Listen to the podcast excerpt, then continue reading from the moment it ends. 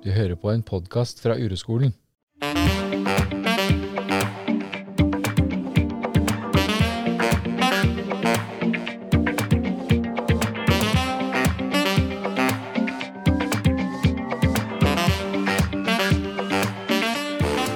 Du hører nå på podkasten Helt sant med Siv Eklo og Kaspar Skeip. Vi ønsker å ta deg med inn i virkeligheten sånn som den ser ut for oss. Vi ønsker å gi deg innsikt og verktøy for at du skal være inderlig til stede i livet. God lytt!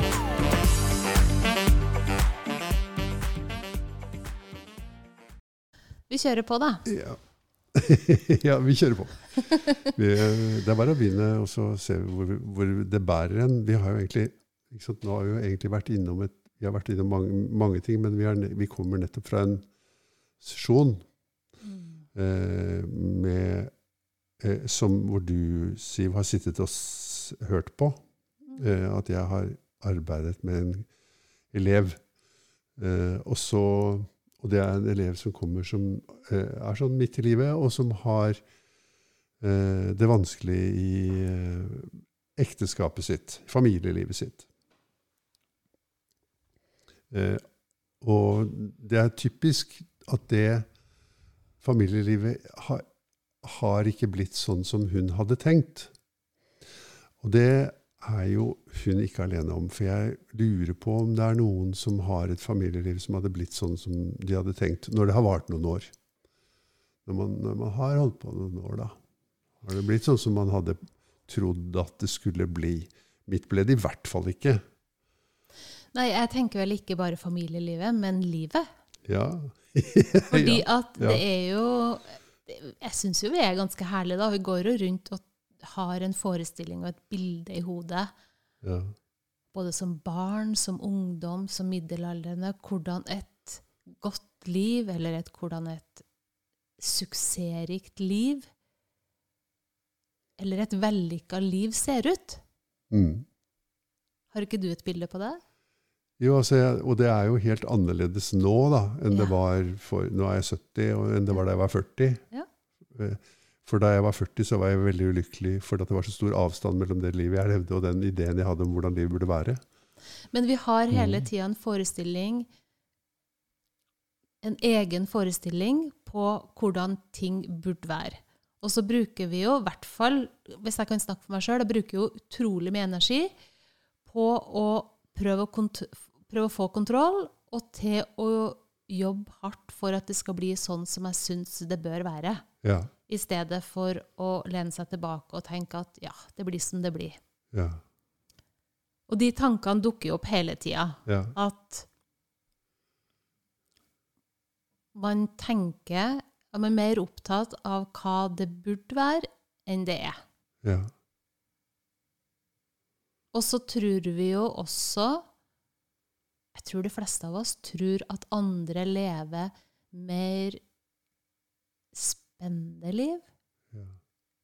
gøyere liv, Mm. Får det til bedre? meningsfulle liv enn oss sjøl. Jeg får det til bedre. Ja, Ja. Mm. Mm. Jeg tror det. Mm. Så det som da er sant, Kaspar, er jo at livet er uoversiktlig. Ja. Livet er totalt uoversiktlig, ja. og det er helt sant at vi har ikke kontroll. Mm. Vi tror at vi har kontroll, og jobber jo mye Mm. med å forsøke å få kontroll på omgivelsene våre. Mm. Men det skjer jo hele tida ting som ikke burde skje. Som ikke skulle skje. ja. I henhold til vår plan, Ja. eller i henhold til vårt sinn, og som sier hvordan livet burde være, ja, eller skulle være. ja. Mm. Og det refererer også til, til den samtalen du hadde tidligere i dag, med denne personen som er eh, relativt oppskaka og lei seg, fordi Mm. at hun har et liv som hun ikke burde ha. Mm. Og at hun også sammenligner seg med andre, og tenke at hun er den eneste i hele verden som ikke får det til. Mm.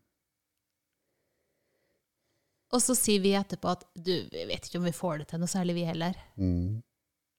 Så ser du bare en lettelse på at oi, er det flere som uh, Mm. strever og kaver og lykkes og mislykkes og Mm. tenker at det går noe sånn passe.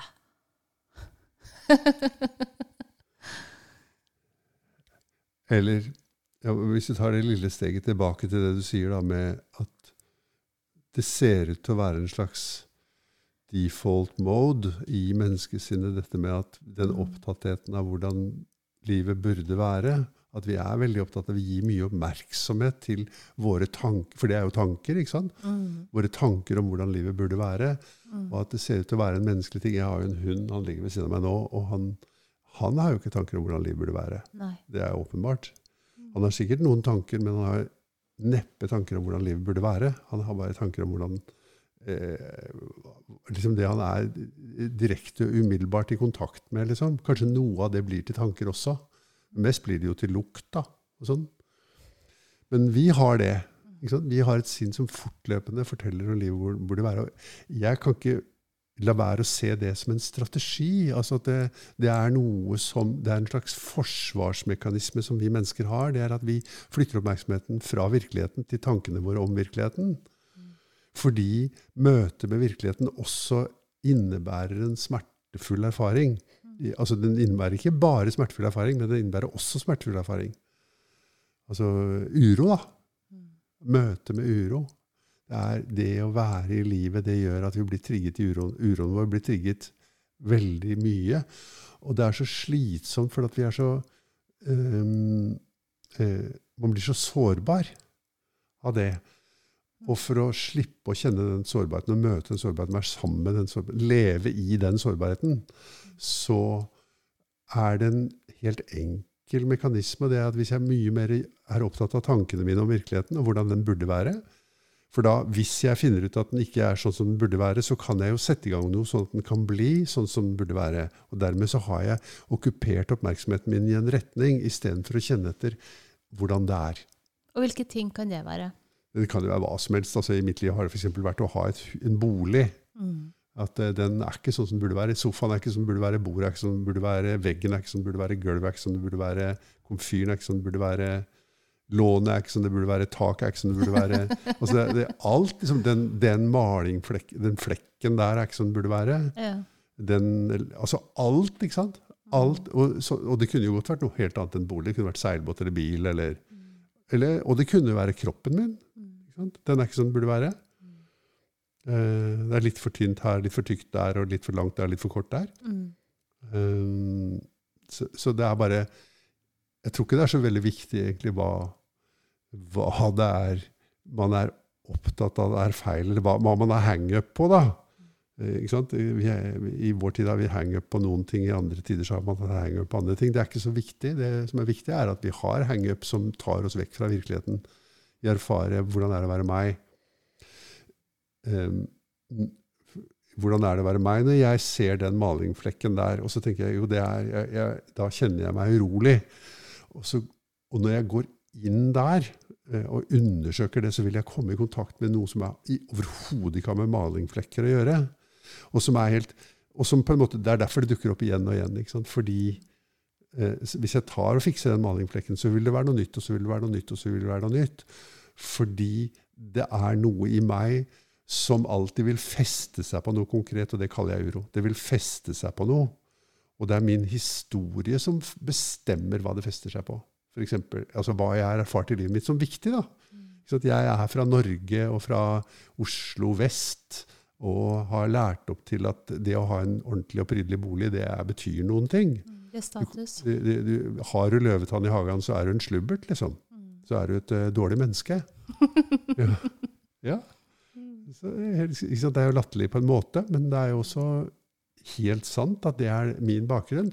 Og at det, betyr, og at det, var, det er sånn at løvetann i hagen gjør meg urolig. Altså, eller det setter meg i kontakt med uroen min.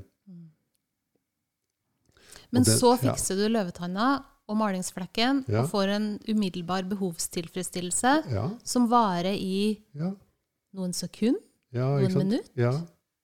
Det vil jo være veldig forskjellig da, for oss, men, men relativt kort tid da, før det er noe nytt som dukker opp. Der folk sier til meg at jeg har sånn to do-liste. eh, som aldri er tom. Eller, og hvis jeg en sjelden gang klarer å tømme den, så begynner den på nytt igjen. Altså, så, så varer det bare noen sekunder før jeg allikevel finner Så ramler det noe inn på de ledige plassene. Ja. Eh, og sånn er det i mitt liv også, at, jeg, at sinnet mitt fungerer på en måte som en sånn to do-liste. Eh, holder opp den for meg. Mm. Og sier det og det og det og det burde vært gjort. Eh, Og det er jo helt i orden, syns jeg, å fikse hus og bil og båt. Men det, bare, det hjelper ikke noe på den uroen. Annet enn i noen få sekunder, som du sier. Eller minutter. Eller la oss si at det virker en dag. da, Det ville jo være flott. Mm. Det holder jo fokuset ditt vekk mens du holder på med det. Ja. ja. Så lenge det virker, så virker det. Men for mange mennesker så er det jo eh, eh, ikke tilfredsstillende å holde på med det jaget. På en måte, det som skjer, er jo sånn som så, Sånn ser det i hvert fall ut for meg. Sier, at er, når vi kommer midt i livet omtrent, så er det akkurat som tilfredsstillelsen ved å ha gjort alt det som står på den to do-listen, forsvinner. da, Den fordamper litt, liksom. Og så står vi der, og så selv om vi har gjort alt sammen, så er man ikke så er man like lite glad, like lite tilfreds, Mm. like lite rolig. Uh, og da må man jo gå litt ned, da, litt dypere og se hva, Eller litt lenger inn i det, liksom. Og så ja, men jøss, hva er dette for noe, liksom? Hvorfor er det ikke tilfredsstillende for meg lenger å ha et veldig fint hus? Hvorfor spiller det ikke Jeg har et Nei, veldig fint hus, men det gjør meg ikke noe mer tilfreds. Ja, ja det Så er begynner du å snekre på den i stedet. Ja. Eller en ny båt. ja, Så det handler jo bare om at du flytter fokus til å tro da at hvis jeg får snekra ferdig hytta, eller får kjøpt den nye båten, da blir det bra, da. ja. Du ser, her er det jo en fristende eh, eh, hva skal vi si, sidevei, eller en, en forlengelse av det vi snakker om, er jo bærekraft og menneskelige handlinger og økonomi. og sånn. At økonomien er en slik ting. Ser du? At eh, selve økonomien er en slik ting. At den er eh, eh, I det øyeblikk du har en million, så den økonomien passer perfekt inn som et produkt av menneskesinnet. Da. I det øyeblikket du har en million, så sier du ja, men jeg skulle hatt 1,2. Og i det øyeblikket du har en milliard, så, sier du, så kjenner du den samme uroen. Og så, og så sier sinnet at løsningen på det er å skaffe 1,2, eller 3, eller 5. Da blir det bra. Sånn at økonomien og menneskesinnet spiller på lag i å holde mennesket opptatt med det vi kaller vekst. Men nissen følger med på lasset Ja, med. For, at, hver for gang. ja, for uroen er jo den samme. Mm. Og den dukker opp igjen etter at man har passert 1,2, 1,3, 1,5 og, og 2 og 10 og 20 millioner eller milliarder. Eller for, for meg handler det mer om titusener, da, men det er jo det samme, det òg. Men jeg tror det du sier da, med at øh, folk kommer midt i livet og kjenner at man blir kanskje ikke noe lykkeligere av å ha mer. Mm. Men jeg tror òg erfaringen er at man blir veldig sliten av det. Ja, det, det, er, og det er jo en direkte personlig erfaring som mange mennesker gjør. At de blir utslitt. Og til og med sjuk av det. Ja, og så og man faller inn i en total utmattelse fordi man har holdt på med det så mye. da. Og så ramler man inn i en resignasjon som kjennes i kroppen som total Jeg klarer ikke mer, liksom. Det er jo, så jeg syns det er veldig fint når folk sier 'jeg klarer ikke mer'. Da er det håp, liksom. For da har man skjønt sammenhengen. Ja, Det er ikke sikkert man har skjønt sammenhengen, men man holder i hvert fall opp å gjøre bare det samme, istedenfor å tro enda mer. Hvis jeg kjøper en Porsche til, så skal jeg bli mer fornøyd, liksom. Da blir det fint, da. Ja. Men det er fryktelig vanskelig å være der også, Siv. Jeg har vært der, jeg, og jeg kjenner jo mange som har vært der at, eh, at det som alltid har virka, ikke virker lenger. Det er utrolig smertefullt sted å være. Helt fortvilt. Altså, det er en følelse av at livet ramler sammen sånn som man kjenner det. At livet slutter å være Hva var det som var ditt mønster som funka helt til det ikke funka? øh, Det å bare få Det å være flink. Få det til? Ja, være flink, liksom. Være flink i livet. Være en Ja. som får det til. En som er blant de som får det til. Som har hus og bil og båt. Ja. Og så oppleve at, eh, at jeg har fortsatt hus og bil og båt. Nå, jeg mistet jo det også, jeg. Men jeg, eh, men jeg I hvert fall en god del av det, da. Eh, men det var også sånn at jeg klarte ikke å skaffe meg de tingene. Og jeg klarte heller ikke å oppleve noe glede ved de tingene. Nei. Jeg klarte ikke å oppleve glede ved livet. Og det hadde de jo gjort før da jeg hadde hus og bil og båt. Så syntes jeg jo det var stas, liksom. Og så var det akkurat som det forsvant, liksom. Det at det skulle gi meg glede og mening. Men da hadde du vært et sted der du fikk en behovstilfredsstillelse og en lykkefølelse med å kjøpe ting. Ja. Så det hadde virka en stund. ja. Og så, og så opplevde jeg begge de to tingene, nemlig at jeg det, no, For det første at jeg mistet midlene, så- sånn at jeg ikke kunne kjøpe ting. Så jeg trodde jo, Da trodde jeg jo fortsatt på at det var det som skulle gjøre meg lykkelig. Og så fikk jeg tilbake midlene, og så virka det ikke. Hvor gammel var du da? Jeg var sånn i 40-åra. Så midt i livet. Den er klassiske Ja. midt i livet. Midt i livet. Det er en Ja. grunn til at det heter midtlivskrise. fordi Ja. at da er du på en eller annen måte litt sånn et sted i livet der du ser at nå har jeg levd lenger enn jeg har igjen. Kanskje, kanskje man tenker det. det. Tenker du det? Jeg tenker Ja. at Jeg tenker i hvert fall at um, det jeg bruker de siste årene mine på, bør jammen være noe meningsfullt. Mm. Bør jammen være noe fornuftig. Um, noen ting som er større enn meg sjøl. Som ikke handler om å ja, tjene enda mer penger eller kjøpe enda flere ting, da. Ja. For det virker ikke. Eller det virker, men det virker Ja. ikke på lang sikt, da. Mm. Det er ikke det ikke- som gjør det. Tror du ikke at vi egentlig har ganske høye forventninger til livet når vi er barn? Mm. I hvert fall vi har hatt det, da. I menneskene opp gjennom lang, lang, lang, lang, mange mange tusen år så har vi hatt høye forventninger til livet. liksom. Mm. Altså, Jeg er så, jeg ser på sånn, Hvis man ser noe på TV fra flyktningleir og sånn, så ser man ofte barn som leker. Mm. Ikke sant? Og at de har, at eh, de har liksom sitt barnlige liv da, Mm. midt oppi noe som vi betrakter som elendighet. De får holder på med det som barn alltid har holdt på med. Og de holder på med det samme som barn i Norge holder på med. Ja. Og har sikkert høye forventninger til livet. liksom. Og så det som skjedde, det som skjer med veldig mange mennesker som jeg møter, og som skjedde med meg, det var jo at, jeg, at, forvent, at, at mine forventninger da plutselig på, Det er akkurat som å oppleve at de ikke lenger blir møtt, og at jeg blir skuffet. da. Ja. En skuffelse over livet. Var det ikke noe mer?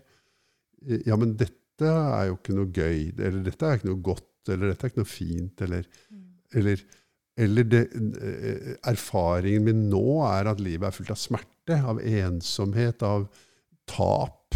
Mm. Det var det i mitt liv. Ta, følelse av tap. Eh, liksom Å miste ekteskap, å miste familie, å miste hus og, mm. og eh, rikdom. Liksom. Og fasade. Fasade, ja. Posisjon. Mm, Og da kommer jo også vanligvis en god porsjon med skam. ja. Gå fra å være en som får det til, til å være en som ikke får det til. Det er skikkelig følelse av tap. Mm. og Men hadde du en opplevelse, og ble du møtt med oppgivelsene på at det ikke burde være sånn? Av andre? Ja. Eh, er det, for, for, alle er vel enige om det, at det, det burde ikke være sånn. Eh, det, man burde på beina igjen og få det til igjen. Og Mm. få seg et hus og en bil og en båt. Mm, og skjerpe seg. Ja, ja det, det burde være slik at det var mulig for meg også. Og det er mange mennesker som sa det til meg, husker jeg også. At du som har så mye ressurser, du kommer til å få til det. Men min, e- det var jo ikke det som på en måte var problemet. Det var det, min egen indre følelse av det. Min egen indre opplevelse av at jeg står overfor en umulig oppgave, oppgave som jeg ikke som, jeg, som det kjentes ut som jeg ikke kunne makte.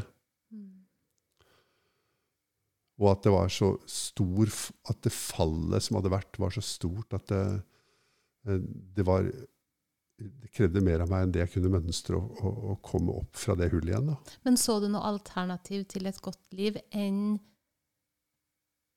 en retur til det gamle? Nei, ikke da. Nei. Nei.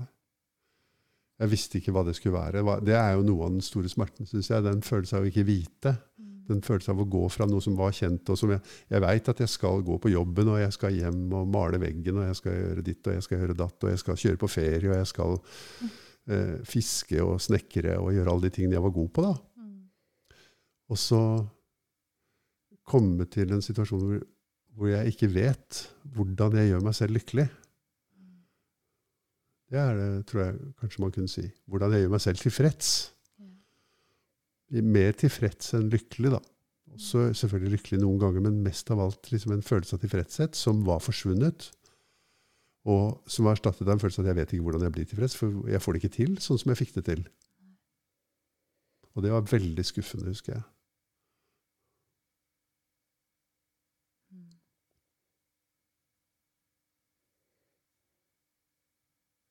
Så det er jo et eksempel på noe som ikke burde skje. Ja, ikke sant? Det er, det er en, tror jeg, en helt menneskelig reaksjon på det. At Ja. dette, nå er det noe feil her. Mm. Dette burde ikke skje. ja. Det burde ikke ha skjedd, det burde ikke skje. Virkeligheten burde ikke være sånn som den er nå. Det burde være tilfredsstillende. Men vi har jo det til og med når, når folk dør. Ja. Altså vi, det er liksom noe så sant Ja. som at Sant som at vi kommer inn i livet, ja, at vi faktisk skal forlate det. Mm. Um, og det var jo min erfaring når, når pappaen min døde. Var jo at um, han var en veldig frisk og sprek mann. Um, så, hør, altså, så hørte jeg veldig mange rundt meg som sa um, Ja, men han var da så sprek. Ja. Um, han var for ung. Mm. Sant? Så veldig mange sånne kommentarer på, som Ja. rasjonaliserer at det ikke burde skje. Ja. Eh, og, og type kommentarer på at det ikke var hans tur. Mm. Det er jo egentlig et veldig godt eksempel på det med at når ting gjør vondt, så dukker Ja. dette opp i sinnet vårt, dette med at det, Ja. virkeligheten burde ikke være som den er.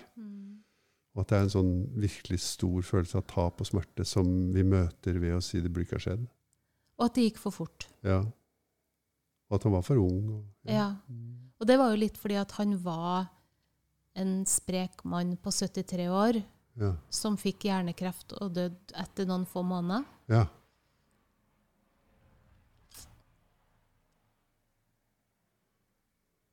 Det var veldig Ja. urimelig.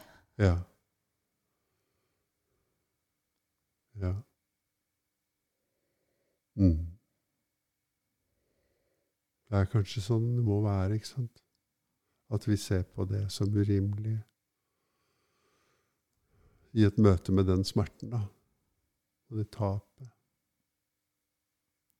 Ja, og ettersom det var så smertefullt, så tror jeg på en måte i hvert fall jeg sjøl hoppa veldig til at jeg kjøpte inn i det, som folk sa da. Ja. At det var urettferdig. ja. Som også er en tanke. Mm. Og burde ikke skje. Mm. Også veldig mange kommentarer som jeg kjenner meg igjen i. Som er det at folk som trener og er friske, de fortjener noe bedre. Mm. Fortjener, da har du gjort en såpass god innsats at du fortjener ikke å få kreft. Mm. Mm. Er ikke det rart? Ja. At da har du på en eller annen måte gjort en innsats som gjør at du skal få en ekstra billett. Ja. Nå er det egentlig din tur, men du har på en måte du har en ekstra du er en ekstra liten inngang der borte, VIP-inngangen. Ja. Så du skal få henge her litt til, liksom. Ja. Så det, var, det husker jeg også som kommentarer på at ja, men han som hadde trena hele livet, Mm. han, han hadde vi jo trodd skulle bli eldre. Mm. Skjønner du hva jeg mener? Ja, At det lå liksom under jeg det. alt. At, ja. at, Og spesielt kanskje fra eldre folk som da var eldre enn han, med dårlig helse, og hadde dårlig helse kanskje i 10 år, i 20 år, eller folk som da røyka eller Ja. ikke har trena. Så tenker jeg at ja, men det, Ja. dette var jo på alle det var, det var veldig mange gode grunner til at dette var helt urimelig. Ja. Og at det ikke burde være sånn. Ja. Og det fylte på en måte samtalene mer enn sorgen. Mm. Ja, og da slapp man jo å føle den sorgen også, da. Som jo uttrykker seg f.eks. ikke med den slags tanker, men med gråt. da. Med eh, å kjenne mye smerte, liksom. Ja, og jeg tror at folk mener å trøste med å si Jeg tror det, det er ment veldig trøstende. Ja. Men det eneste det gjør, er jo å flytte fokus fra indre sorg til over i noe ytre som er urettferdig og urimelig og feil. Og Mm. kanskje, kanskje til og med noen sin feil. Mm. Ja. Men tenk at dette er en Dette er en Dette er ikke et personlig problem, på en måte, som du eller jeg eller noen mennesker har. Noen som det er noe gærent med, men det er sånn det er å være menneske. At vi har en hjerne som Eller et sinn, da. Et nervesystem og et sinn og en kropp som opererer sånn at når vi nærmer oss Når det skjer ting i livet som gir oss direkte kontakt med smerte, f.eks. tap fordi at noen dør, som vi er glad i, så begynner disse mekanismene å virke. At, og at noe av poenget med den jobben som du og jeg gjør, er jo å si ja, det er forståelig eh, at de gjør det. Og så, når vi vet det, så da må vi gjøre noe. fordi at hvis ikke så får det langvarig effekt. da, At vi går bort fra virkeligheten og over til tanken om virkeligheten. At vi går bort fra sorgen og begynner å snakke om hvor urimelig det er at noen dør. Eller sånn som jeg Ja. gjorde, som jobba, jobba ekstremt mye. Ja. Gå bort fra den på den måten. Eller begynner å drikke, eller begynner å trene mye mer. Eller, eller gjøre alt riktig for å få et langt og godt liv, da. Mm. Men òg argumentert for at ikke det var sånn at jeg At det var et valg å jobbe mye, men at jeg måtte, måtte fordi at det var folk som var avhengig av meg. Skjønner du? Sånn at jeg årsaksforklarte det med Sånn, at ja. Mm. det var ikke for at jeg hadde veldig lyst til å jobbe, eller at jeg Mm. trengte å jobbe for å ikke ta innover meg et dødsfall, Mm. men at jeg må ta ansvar Ja. i en jobbsammenheng. ja. For det var ingen andre som kunne gjøre det. Det var sånn det så ut for deg. At det, Det var det som var grunnen til at du gjorde det. Ja, Ja. Og det er også en tanke klart. og en begrunnelse og en tanke, da. Mhm. Og det som skjedde, var at du begynte å arbeide veldig mye. Det var, Mm. Og at du kanskje til og med arbeidet så mye at du ikke hadde så mye tid til å um, drive med andre ting. Ja. F.eks. å kjenne sorg. Ja. Ja. Ja. Mm. ja. Som jeg tenker også er veldig vanlig. Ja, helt vanlig. Mm. Helt menneskelig, helt vanlig. Det er arbeidet er jo også Vi kunne kalle det aktivitet, da. Akkurat som trening er, eller uh. Ja, og så er det jo en aktivitet som i samfunnet blir sett på som noe bra, da. Ja. Man får jo ekstra oppmuntring og støtte Ja, på å ja. gå den veien. Og kan få anerkjennelse for at man Ja. eh, ikke er bare flink til å jobbe, men man er flink til å jobbe på et tidspunkt der man burde ha vært i sorgbearbeiding. Ja. Så du er på en måte ekstra robust ja. som, Hun klarte det, liksom. Ja, Mm. som klarer to ting samtidig, mens Mm. faktum er at du egentlig gjør bare én ting, Mm. mye av det, for Mm. å slippe å gjøre det andre. Ja. Mm. Jeg tror, hvert, ja, jeg tror i hvert fall det er sånn det var for min del, da. Mm.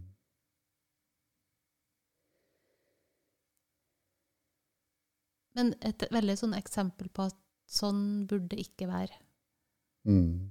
At- Og det å miste noen føles jo feil. Ja. Og det føles feil fordi at det gjør vondt. Ja. Så alt som gjør vondt, jeg, jeg bare sier det, eh, Når folk sier det føles feil, så tror jeg det er en veldig god anledning til å lære litt om følelser. At det, det går ikke an at noe føles feil. Det et Nei, ord, du det, er en, tenker at det er feil. det er en ordbruk. Ja, det er en tanke, det er en, Mm. tanke en kommentar til virkeligheten. Til At den er feil. Mm. En bedømmelse av virkeligheten. Mm. Mens virkeligheten er det er vondt. Det er tap, det er vondt. Det, det er kjempevondt, Ja. og så bruker sinnet masse energi på å finne ut Ja, hvorfor det er så vondt, ja, og hva man kan gjøre for at det ikke skal gjøre så vondt. ja. Og automatisk så tror jeg man da faller inn i det, de mekanismene man har lært akkurat Mm. akkurat de, jeg faller inn i de jeg har lært, du faller inn i det du har lært. Og, i vårt, og de er jo veldig kulturelle, så de vil være ganske like i et samfunn, av hva folk gjør. ikke sant? Altså min, min eh, Mitt mønster eh, er jo helt klart å ta seg sammen Mm. og eh, gjøre noe nyttig, da. Mm. Som f.eks. å jobbe. Gjøre det som må gjøres. Ja, Ja. her må det gjøres ting, så vi Ja. kan jo på en måte sette i gang. Om det skal Mm. hugges ved eller Mm. um, Men her må det gjøres noe. Mm. Og det har vi vel årelang tradisjon i, kanskje spesielt for den mannlige delen av befolkninga, til å ta ut følelser i hardt arbeid. Ja. Og jeg tror det er veldig fordelt på både menn og kvinner. altså. Bare litt forskjellige oppgaver, kanskje. Fra gammelt av, men nå er det jo ganske like oppgaver òg. Ja, og litt forskjellig uttrykksform, men ikke så veldig. Ja. Men å ta seg sammen. ja. Men når du sier at det mønsteret mm, vi har lært fra familie, da eh, Av type sorgbearbeiding eller hva gjør du når du har det vondt og smertefullt? Hva var ditt mønster, hva var det du hadde lært? Når jeg ser at mi, min barndom handler om å ta seg sammen, ja. hva er det du kan kjenne deg igjen i? Jeg tror nok det er det samme, men um, jeg, jeg har lært å ikke vise følelser. Ikke la følelsene ta overhånd. Mm. Det vil si f.eks. sorg, da, som jeg opplevde da jeg var ung. så opplevde jeg en stor sorg. Og, eh, og jeg, de følelsene fikk ikke plass hos meg, da, fordi jeg erstattet de med aktivitet og med tenkning og med eh, å, eh, å få gjort noe. Ja. Få gjort det som skulle gjøres når, et, når det tapet var et faktum, liksom. Mm. Eh, det var en veldig nær venn av meg som døde. Eh, og, som, og jeg gråt ikke en tåre. Det husker jeg. Det tok mange mange år før jeg gjorde. Mm. Eh, så det, det å være flink, og det å få gjort det som skal gjøres Noen må jo gjøre det, selv når det er vanskelig. Det sitter veldig dypt i meg. Mm. At det er en øh, Det er jo øh, mye lettere for meg å gjøre det enn å stoppe opp og si jeg må ta dette fallet, liksom. Jeg må ta denne smerten som kommer til meg nå. Mm. Det er enklere å Ja. fylle på med aktiviteter. Ja. Ha det travelt. ja. Og det er jo, eh, jeg tenker i samfunnet også en viss status med å virke travel. ja. Det er jo litt sånn hvis du spør folk hvordan det går, eller hva, hvordan folk har det, så svarer du så får du svar som at ja, det er så travelt. Skikkelig busy. Busy, busy. Alle sammen. Men du kan jo bare se på de som står på toppen av vårt samfunn. Ja. hvor travelt de har det. liksom. De har folk rundt seg som forteller dem ja, du har to minutter på dette og tre minutter på dette, og du skal være der om tolv minutter, og du skal der med tolv og et halvt minutt. Så det, det er jo helt sikkert at det er veldig viktig å være busy. da. For å, og, det, og bakgrunnen for det er jo dette at det, det er veldig vanskelig å ikke vite hva man skal gjøre når, når smerten rammer.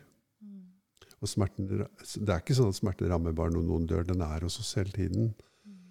Og at det, det vi holder på med på Uroskolen, er jo egentlig å vende oss mot den smerten vi har i livet vårt. Og lære oss det på en måte som gjør at det ikke er en overraskelse lenger.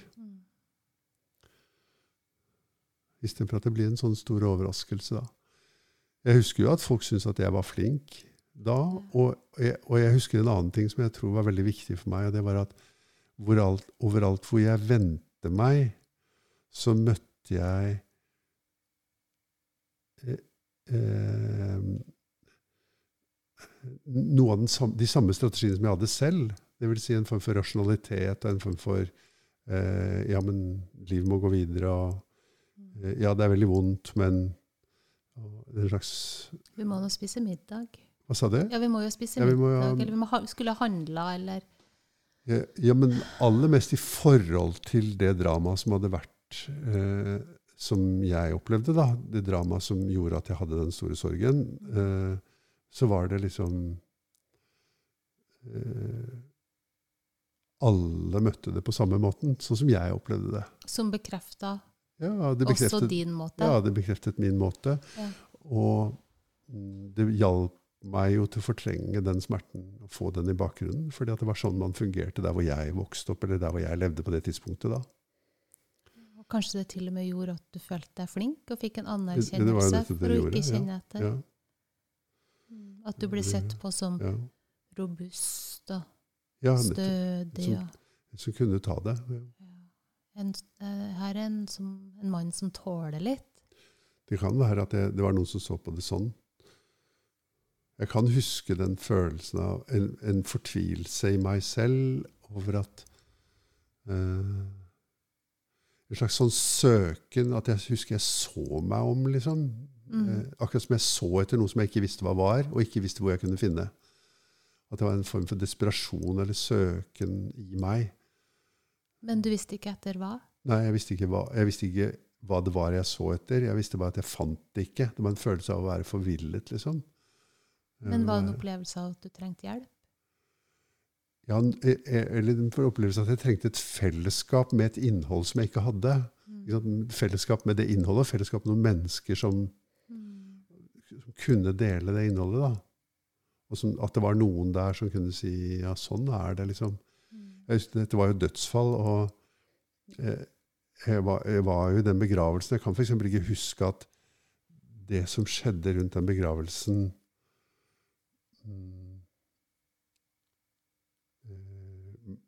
ga meg den følelsen av fellesskap. Den ga meg mye mer følelsen av isolasjon og skyld og skam og eh, at det er noe feil, da. Mm. Det var noe feil at hun døde, det var noe feil at eh, Var det noen sin feil òg? Hva sa du? Var det noen sin feil også?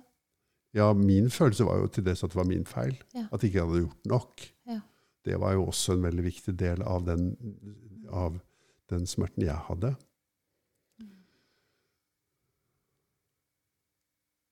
Så det var virkelig noe som ikke burde Jeg trodde jo veldig på at det var noe som ikke burde ha skjedd.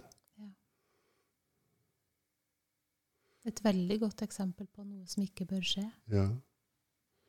Og det var sånn i veldig mange år, da. Mm. Veldig mange år var det sånn.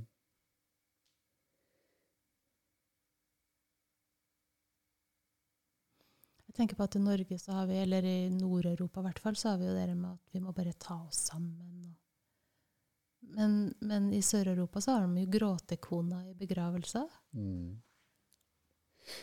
Og mer, mer eh, tydelige uttrykk for eh, smerte da, enn det vi har. Ja, Mm. så tenker jeg det gir i hvert fall et signal, og det er et sterkt symbol om at det er en viss atferd, nemlig å gråte, som er akseptert innafor, og som man kanskje til og med skal prøve å levere på. Mm. Ja. Eller som alle leverer på. Derfor så er det ikke noe tre å prøve engang. Man bare slipper det løs, liksom. Det bare det kommer som en naturlig del av det. Vi Ja. ser det jo på TV av og til, at det er annerledes i andre land. Ja, Ja. At man hyler høyt når det gjør vondt. ja. Men jeg har jo òg venner som har opplevd å være i begravelser som barn, med en erindring om at det eneste de satt og tenkte på under hele begravelsen, var å ikke vise at man var lei seg. Ja, nettopp. Ja. Så det er jo en sterk del av vår kultur. ja.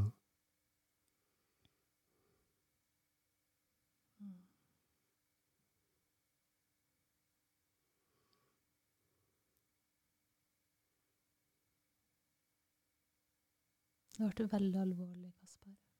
Hva? Nå ble du veldig alvorlig. Nei, ja Altså, jeg bare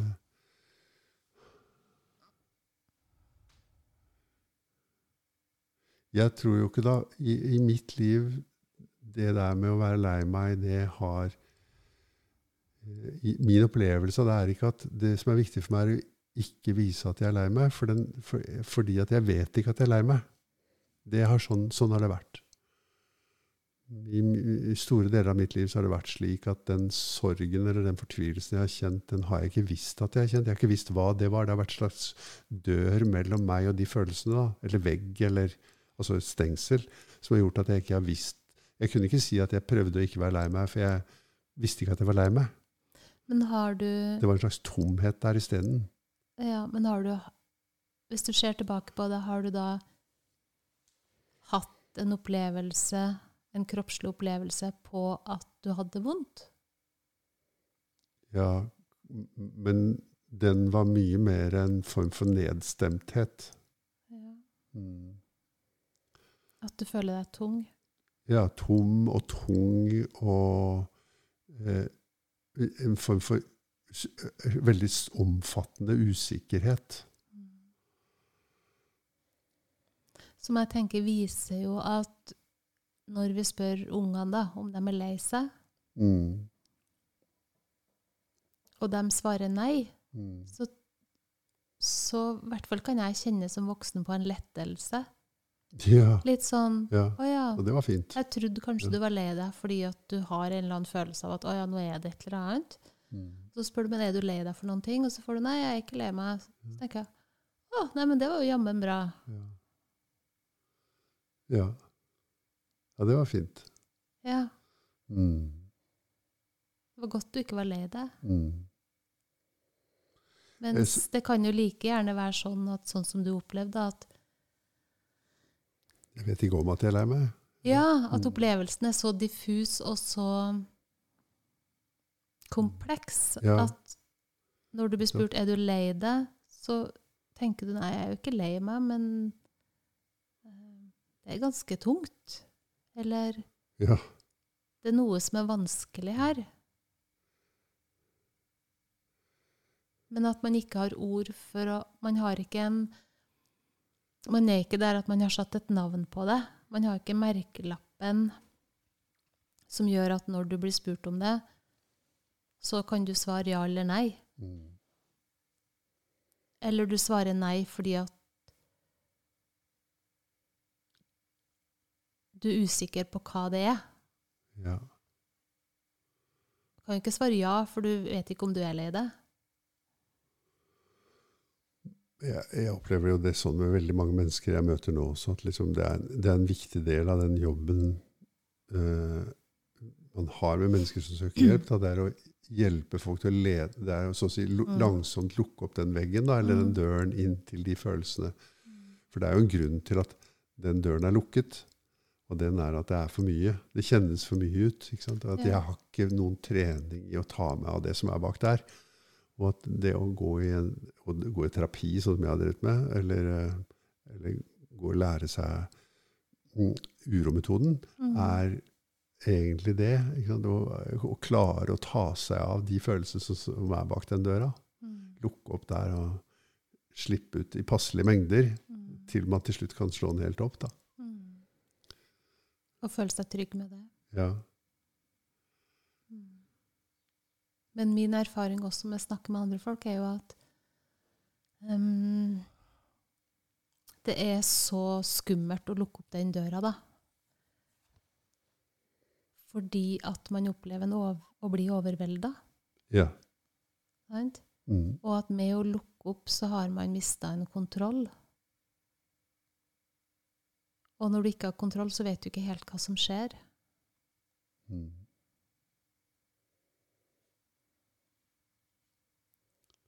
Og det betyr at hvis jeg åpner opp det her, så kommer det så mye at jeg tror ikke at jeg kan håndtere det sjøl. Jeg Mm. tror heller ikke at motparten som har samtale med meg, kan håndtere meg. Mm. For så mye gørr i fanget har nok den sannsynligvis aldri hatt. Mm. Sant? Mm. Um, at dette blir så mye og så stort uh, at det blir skremmende. Mm. Det er derfor det er så viktig for en urolærer og en terapeut å ha egen erfaring. Ha jobba med seg selv. Og at uh, jeg, legger, jeg legger mest vekt på det, liksom. Det er det er aller, aller, aller mest vekt på det. At eh, du kan ikke ta imot folks smerte hvis ikke du har kjent din egen. da. Du kan ikke romme den og være sammen med dem uten å frike ut og bli redd selv. Og hvis da motparten merker at det her er et menneske som ikke tåler meg, eller Mm. takler meg, så Mm. vil man jo helt automatisk porsjonere seg Mm. på en sånn måte at det er akseptabelt. Ja. Og da bremser man jo prosessen. Mm, Det gjør man. Det har man alltid gjort, og det gjør man. Og det er jo ja, Det er jo lite hensiktsmessig at det er den som sitter og skal være lærer eller terapeut, som gjør det. Det, er ikke noe, jeg har ikke noe effekt, det. Det er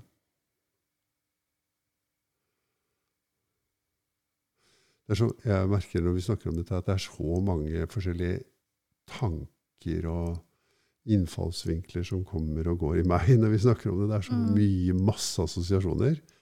Så mange spennende ting, mange interessante ting. Men jeg tenker også, nå har vi jo, har vi jo snakka om sorg. Altså, altså det å bli ramma av, av død og sorg Mm. um, som noe av det kanskje verste man kan oppleve. Mm. Men det er jo enormt mye stort og smått i livet som ikke blir som man hadde tenkt. Mm. Ja, det er det virkelig. Så, som, som er både positiv og negativ, da. Mm. Når du var barn, hva skulle du, hva skulle du bli?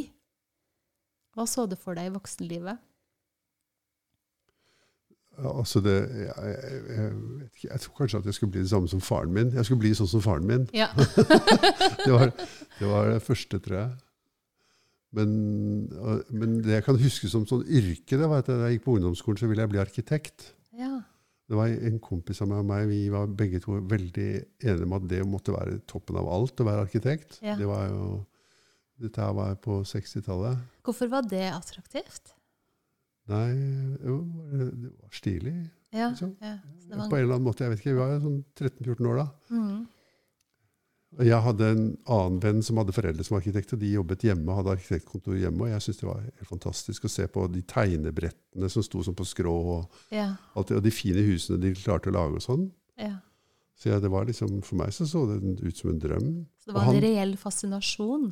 Eh, ja, ja, det var en fascinasjon også. Og så syns jeg jo alltid Jeg har jo vokst opp et sted hvor, med det der om at hus er viktig, så kanskje det hadde noe med det å gjøre òg. Men i hvert fall så ble jeg ikke arkitekt, da. Men, eh, men den drømmen var jo der helt til jeg kom i den alderen etter videregående at jeg skulle begynne å se meg om. For da husker jeg var på et møte på Arkitekthøgskolen eh, som var sånn for å søke, da. Ja. Og så forsvant det bare, merkelig nok. Mm. Ja. Men eh, han kompisen, kompisen min ble arkitekt, da. Oi, han ble det. Ja. Ja. Hva var det du skulle bli, da? Jeg skulle bli, men det var veld, når jeg var veldig ung, da, Ja. så type barneskolen, så skal jeg bli frisør. ja. For jeg tenkte jo at det er jo det eneste yrket man er garantert å være fin på håret. Ja. Og det var jo Ja. kanskje det absolutt viktigste Ja. på det tidspunktet, sånn 10-11 år. ja. Eh, og så var det jo en, en frisør Det var vel kanskje bare én frisør.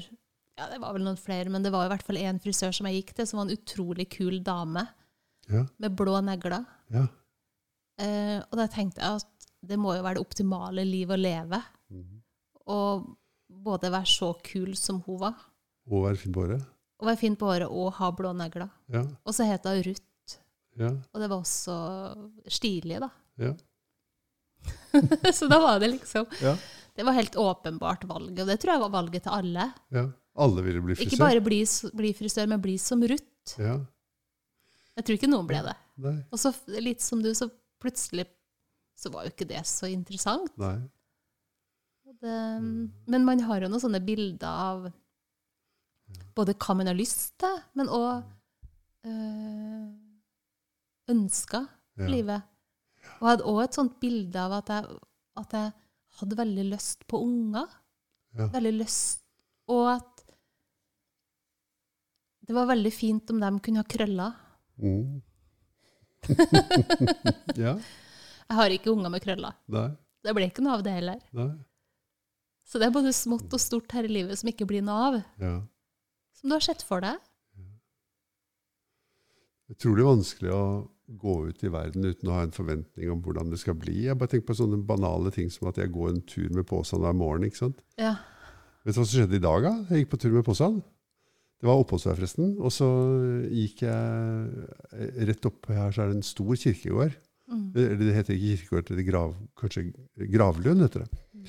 Eh, og så på veien hjemover så kom jeg over For det har regna så kraftig, vet du. Ja. Så nå kommer soppen, og så plutselig så var det svær samling med sånne små, runde sjampinjonger Mm.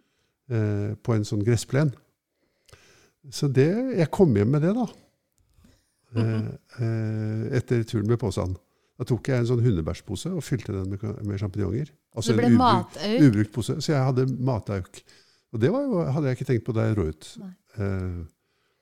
Så det er både på, både på godt og vondt. da. Det var en berikende luftetur. Ja. Mm.